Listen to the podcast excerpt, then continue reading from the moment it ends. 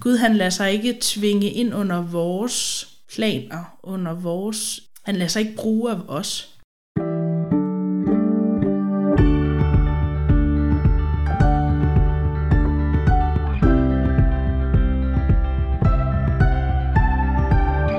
Du lytter til Bible Break, en podcast fra Bibellæseringen, hvor vi læser og diskuterer Bibelen sammen.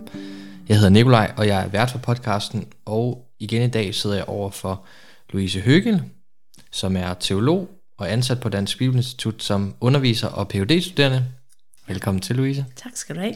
Vi er i gang med at gennemgå nogle tekster fra 1. Samuels bog, og vi er nået til kapitel 4, vers 2 til 22. Ja. Som handler om at kommandere med Gud. Jeg vil lige starte med at læse teksten. Israel rykkede ud til kamp mod filisterne. De slog lejr ved Eben Haeser, mens filisterne slog lejr i Afek. Filisterne gik i stilling over for israelitterne, og kampen begyndte. Israel blev slået af filisterne, som dræbte omkring 4.000 mand på slagmarken. Da herren kom tilbage til lejren, spurgte Israels ældste, Hvorfor slog herren os i kampen mod filisterne i dag? Lad os hente herrens paks ark i Shiloh, så han kan være hos os og frelse os fra vores fjender. Så sendte de bud til Shiloh efter pagtens ark, der tilhører herskers herre, ham som troner på keruberne. Elis to sønner, Hofni og Penias, fulgte Guds pagts ark. Da herrens pagts ark kom ind i lejren, brød hele Israel ud i jubelråb så højt, at jorden rystede. Filisterne hørte råbet og sagde, hvad betyder dette høje jubelråb i hebræernes lejr? Da de fik at vide, at herrens ark var kommet til lejren, blev de bange og sagde, Gud er kommet til lejren. Ved os. Sådan noget er ikke sket før. Ved os. Hvem kan redde os fra denne mægtige Gud? Det er den Gud, der tilføjede Ægypterne et stort nederlag i ørkenen. Fat nu mod og vis jer som mænd, filister. Ellers ender I som tralle for hebræerne, ligesom de var tralle for jer. Kæmp nu som mænd. Så gik filisterne til angreb, og israelitterne blev slået og flygtede hver til sit. Nederlaget blev meget stort. Der faldt 30.000 mand af Israels fodfolk. Guds ark blev taget som bytte, og Elis to sønner Hofni og Penias faldt. En Benjamit løb fra slagmarken og nåede samme dag til Silo. Hans klæder var flængede, og han havde strøget jord på hovedet. Da han nåede frem, sad Ellie på sin stol ved vejen og spejdede, for han var urolig for Guds ark. Da manden var kommet ind i byen og fortalte, hvad der var sket, begyndte alle i byen at skrige. Ellie hørte skriget og spurgte, hvad er det for en larm? Manden skyndte sig hen og fortalte Ellie, hvad der var sket. Ellie var 98 år gammel og havde stær, så han kunne ikke se.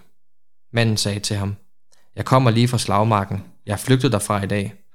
Ellie spurgte, hvad er der sket, min søn? Budbringeren svarede, Israel flygtede for filistrene. Vi led et stort nederlag, og dine to sønner Hofni og Penias er døde, og Guds ark er taget som bytte. I samme øjeblik han nævnede Guds ark, faldt Ellie baglands ned af sin stol, lige ved porten og brækkede halsen og døde, for han var både gammel og svær. Han havde været dommer i Israel i 40 år. Hans svigerdatter Penias' kone var gravid og skulle snart føde. Da hun hørte, at Guds ark var taget som byrde, og hendes svigerfar og hendes mand var døde, kom vejerne over hende, og hun satte sig på hug og fødte. Da hun var lige ved at føde, sagde de kvinder, der stod hos hende, Du skal ikke være bange, du har født en søn. Men hun svarede ikke og indsede intet. Hun kaldte drengen Ikabot og sagde, Herligheden er forsvundet fra Israel. Med det mente hun, at Guds ark var taget som bytte, og at hendes svigerfar og hendes mand var døde. Og hun sagde, Herligheden er forsvundet fra Israel, for Guds ark er taget som bytte.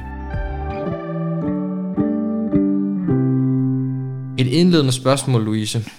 Kan man øh, kommandere med Gud, tror du? Det er et godt spørgsmål, Nikolaj. Umiddelbart så virker det i hvert fald til her, at det ikke går så godt. Det ender jo faktisk ud med, at den profeti, som øh, vi var omkring, at Ellie han skulle miste sine sønner samme dag, øh, som vi var omkring i et, i et tidligere afsnit, den bliver opfyldt her. Ja. Øhm, kan man kommandere med Gud? Jeg synes første gang, jeg lige læste den her tekst, så tænkte jeg, at øhm, når nu Israel vender sig til Gud og gerne vil have pagtens ark med ud i krig, Ja. hvorfor går det så så galt? Og det går virkelig galt. Altså pagtens ark bliver taget af filistrene. Ja, for det ser ud som om, at de egentlig vender sig til Gud. Ja, sådan, sådan synes jeg, det ser ud ved første øjekast. Ja. og det kan dårligt gå meget værre. Altså, Det bliver også beskrevet som, at herligheden er forsvundet fra Israel, for Guds ark er taget som bytte. Læste du i det sidste vers. Ja. Jeg tror måske, at grunden til, at det ikke helt går efter planen, det er det her med, at de vil kommandere med Gud. Øhm, fordi i stedet for at vende sig til Gud i ærefrygt, så synes jeg, det virker til, at de henter pagtens ark. Ikke fordi de har tillid til Gud, ikke fordi de vil ære Gud, men fordi de vil sikre sig sejren Ja, over filisterne. Hvem over er filistrene. Kan du, kan du huske, eller kan du sige noget om, hvem de er? Ja, filistrene, de var øh, et hedningefolk, det vil sige, de var uomskårne, de var ikke israelitter. Og så er de et folk, som lever øh, i området ud til Middelhavet. Og det er et folk, der ikke eksisterer længere, fordi de bliver opslugt først af syrerne og så babylonerne. Så filistrefolket, det stopper med at, at eksistere. Okay. Men de er sådan et folk, som er en af Israels sådan, øh, største fjender mm. på den her tid. Og det er et af de folk, som boede i det, der bliver Kanaans land, altså det land, som Israel de skulle have af Gud. Og derfor kan man jo også godt forstå, at israelitterne så mod deres ærkefjende på en eller anden måde Ja. forsøger at gøre alt, hvad de kan. De vil rigtig gerne vinde. Og, og man kan lidt sådan sige, at de, de har lidt sådan et mirakuløst, magisk forhold til pagtens ark. Mm. de tager det med ud som sådan et eller andet relikvie, et eller andet sådan, de kan, kan sige, nu har vi den her, så så vinder vi selvfølgelig. De, for, de forsøger at bruge pagtens ark, de forsøger at bruge Gud, som et magtmiddel, som et middel til at vinde over filistrene. Ja. Og det går Gud altså ikke med på. Ja. Gud han lader sig ikke tvinge ind under vores planer, under vores... Han lader sig ikke bruge af os. Hvad tænker du så, at det betyder, at Gud han fører dem til nederlag? Altså, hvad er formålet med det? Det er jo svært sådan at, øhm, at være 100% sikker på Guds tanker. Ja, ja. øhm, men jeg, jeg synes sådan generelt, så gennem det gamle testamente, så forsøger Gud at lære Israel at stole på ham. Forsøger hele tiden at kalde dem tilbage til ham. Jeg tror også, det er det, han gør her. Siger til dem, jamen prøv her, hvis ikke I har tillid til mig, hvis ikke I frygter mig, så går det galt. ja. Og så går det grueligt galt. Mm. Ja, for de prøver jo på en eller anden måde sådan set at bruge et redskab, eller et redskab, noget Gud har givet dem til at gennemføre deres egen plan, Ja, frem for at lade Gud bestemme, så at sige. Altså, Ja. altså de vil gerne styre Gud. Ja, de forsøger at have sådan en eller anden automatik i Guds indgriben. Øhm, man kan sige, at de har jo forstået, at, at Gud på en særlig måde var i helligdommen og ved pagtens ark. Og så forsøger de at, at tænke, jamen automatisk, hvis vi så har den med, så må Gud jo, så må Gud jo øhm, lade os få sejren. Ja. Men det er altså Gud, der bestemmer, hvornår de skal få sejren, og hvornår de ikke skal. Ja. Øhm, jeg kan ikke lade være med at tænke på et andet tidspunkt i Israels historie, hvor der er krig.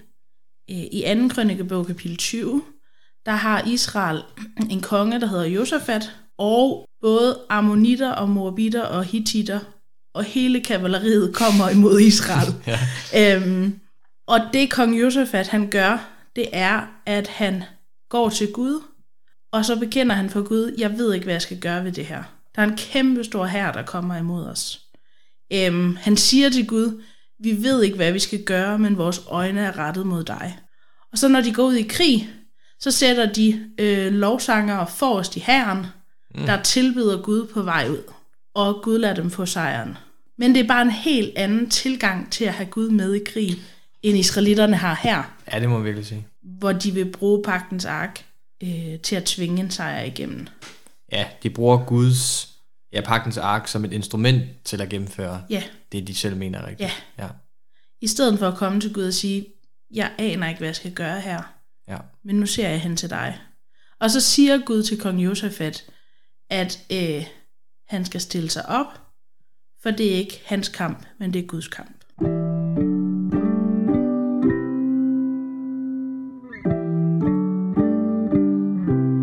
Hvad kan vi lære af den her tekst, så tænker du? Jeg tænker, vi kan lære, øhm, at vi ikke kan bruge Gud som instrument. Ja. Det er jo ikke så tit, at vi lige sådan fysisk skal slås mod filistre. øhm, men jeg kan i hvert fald godt tænke på tidspunkter i mit eget liv, hvor jeg er kommet i bøn til Gud med kampe i mit liv, Mm. eller med andre ting i mit liv, og haft en meget klar holdning til, hvordan Gud skulle gribe ind. Ja, man kommer til at bruge bøn lidt ligesom de bruger pakkens værk. Ja, Ja. øhm, og tænk, hvis jeg bare beder til Gud, så må det jo ske. Ja. Men hvis man ser på, øh, hvis man ser på for eksempel Maria, Jesu mor, mm. i Nye Testamente, så er hun, synes jeg, et af de bedste forbilleder, vi har på bøn. Øhm, og det er hun ved brylluppet i Kana, hvor de lød tør for vin til det her bryllup. Det er noget rigtig skidt. Det er pinligt. Øh, der vil gå historier om det i overvis. Mm. Og Maria, hun kommer til Jesus, og så siger hun, der er ikke mere vin. Hun siger ikke andet. Hun, hun siger ikke til Jesus, så vil du ikke godt sørge for, at der bliver købt noget vin ind. Kan du ikke sende nogen ud og hente noget? Altså, hun siger bare til ham, der er ikke mere vin. Hun kommer ikke selv med løsningsforslag. Nej, præcis. Ja.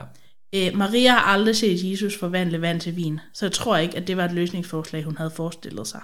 ja, hvis jeg husker rigtigt, så er det vel... Er det ikke det første under Jesus, han udfører? Jo. Og det er bare en anden måde at komme til Gud på.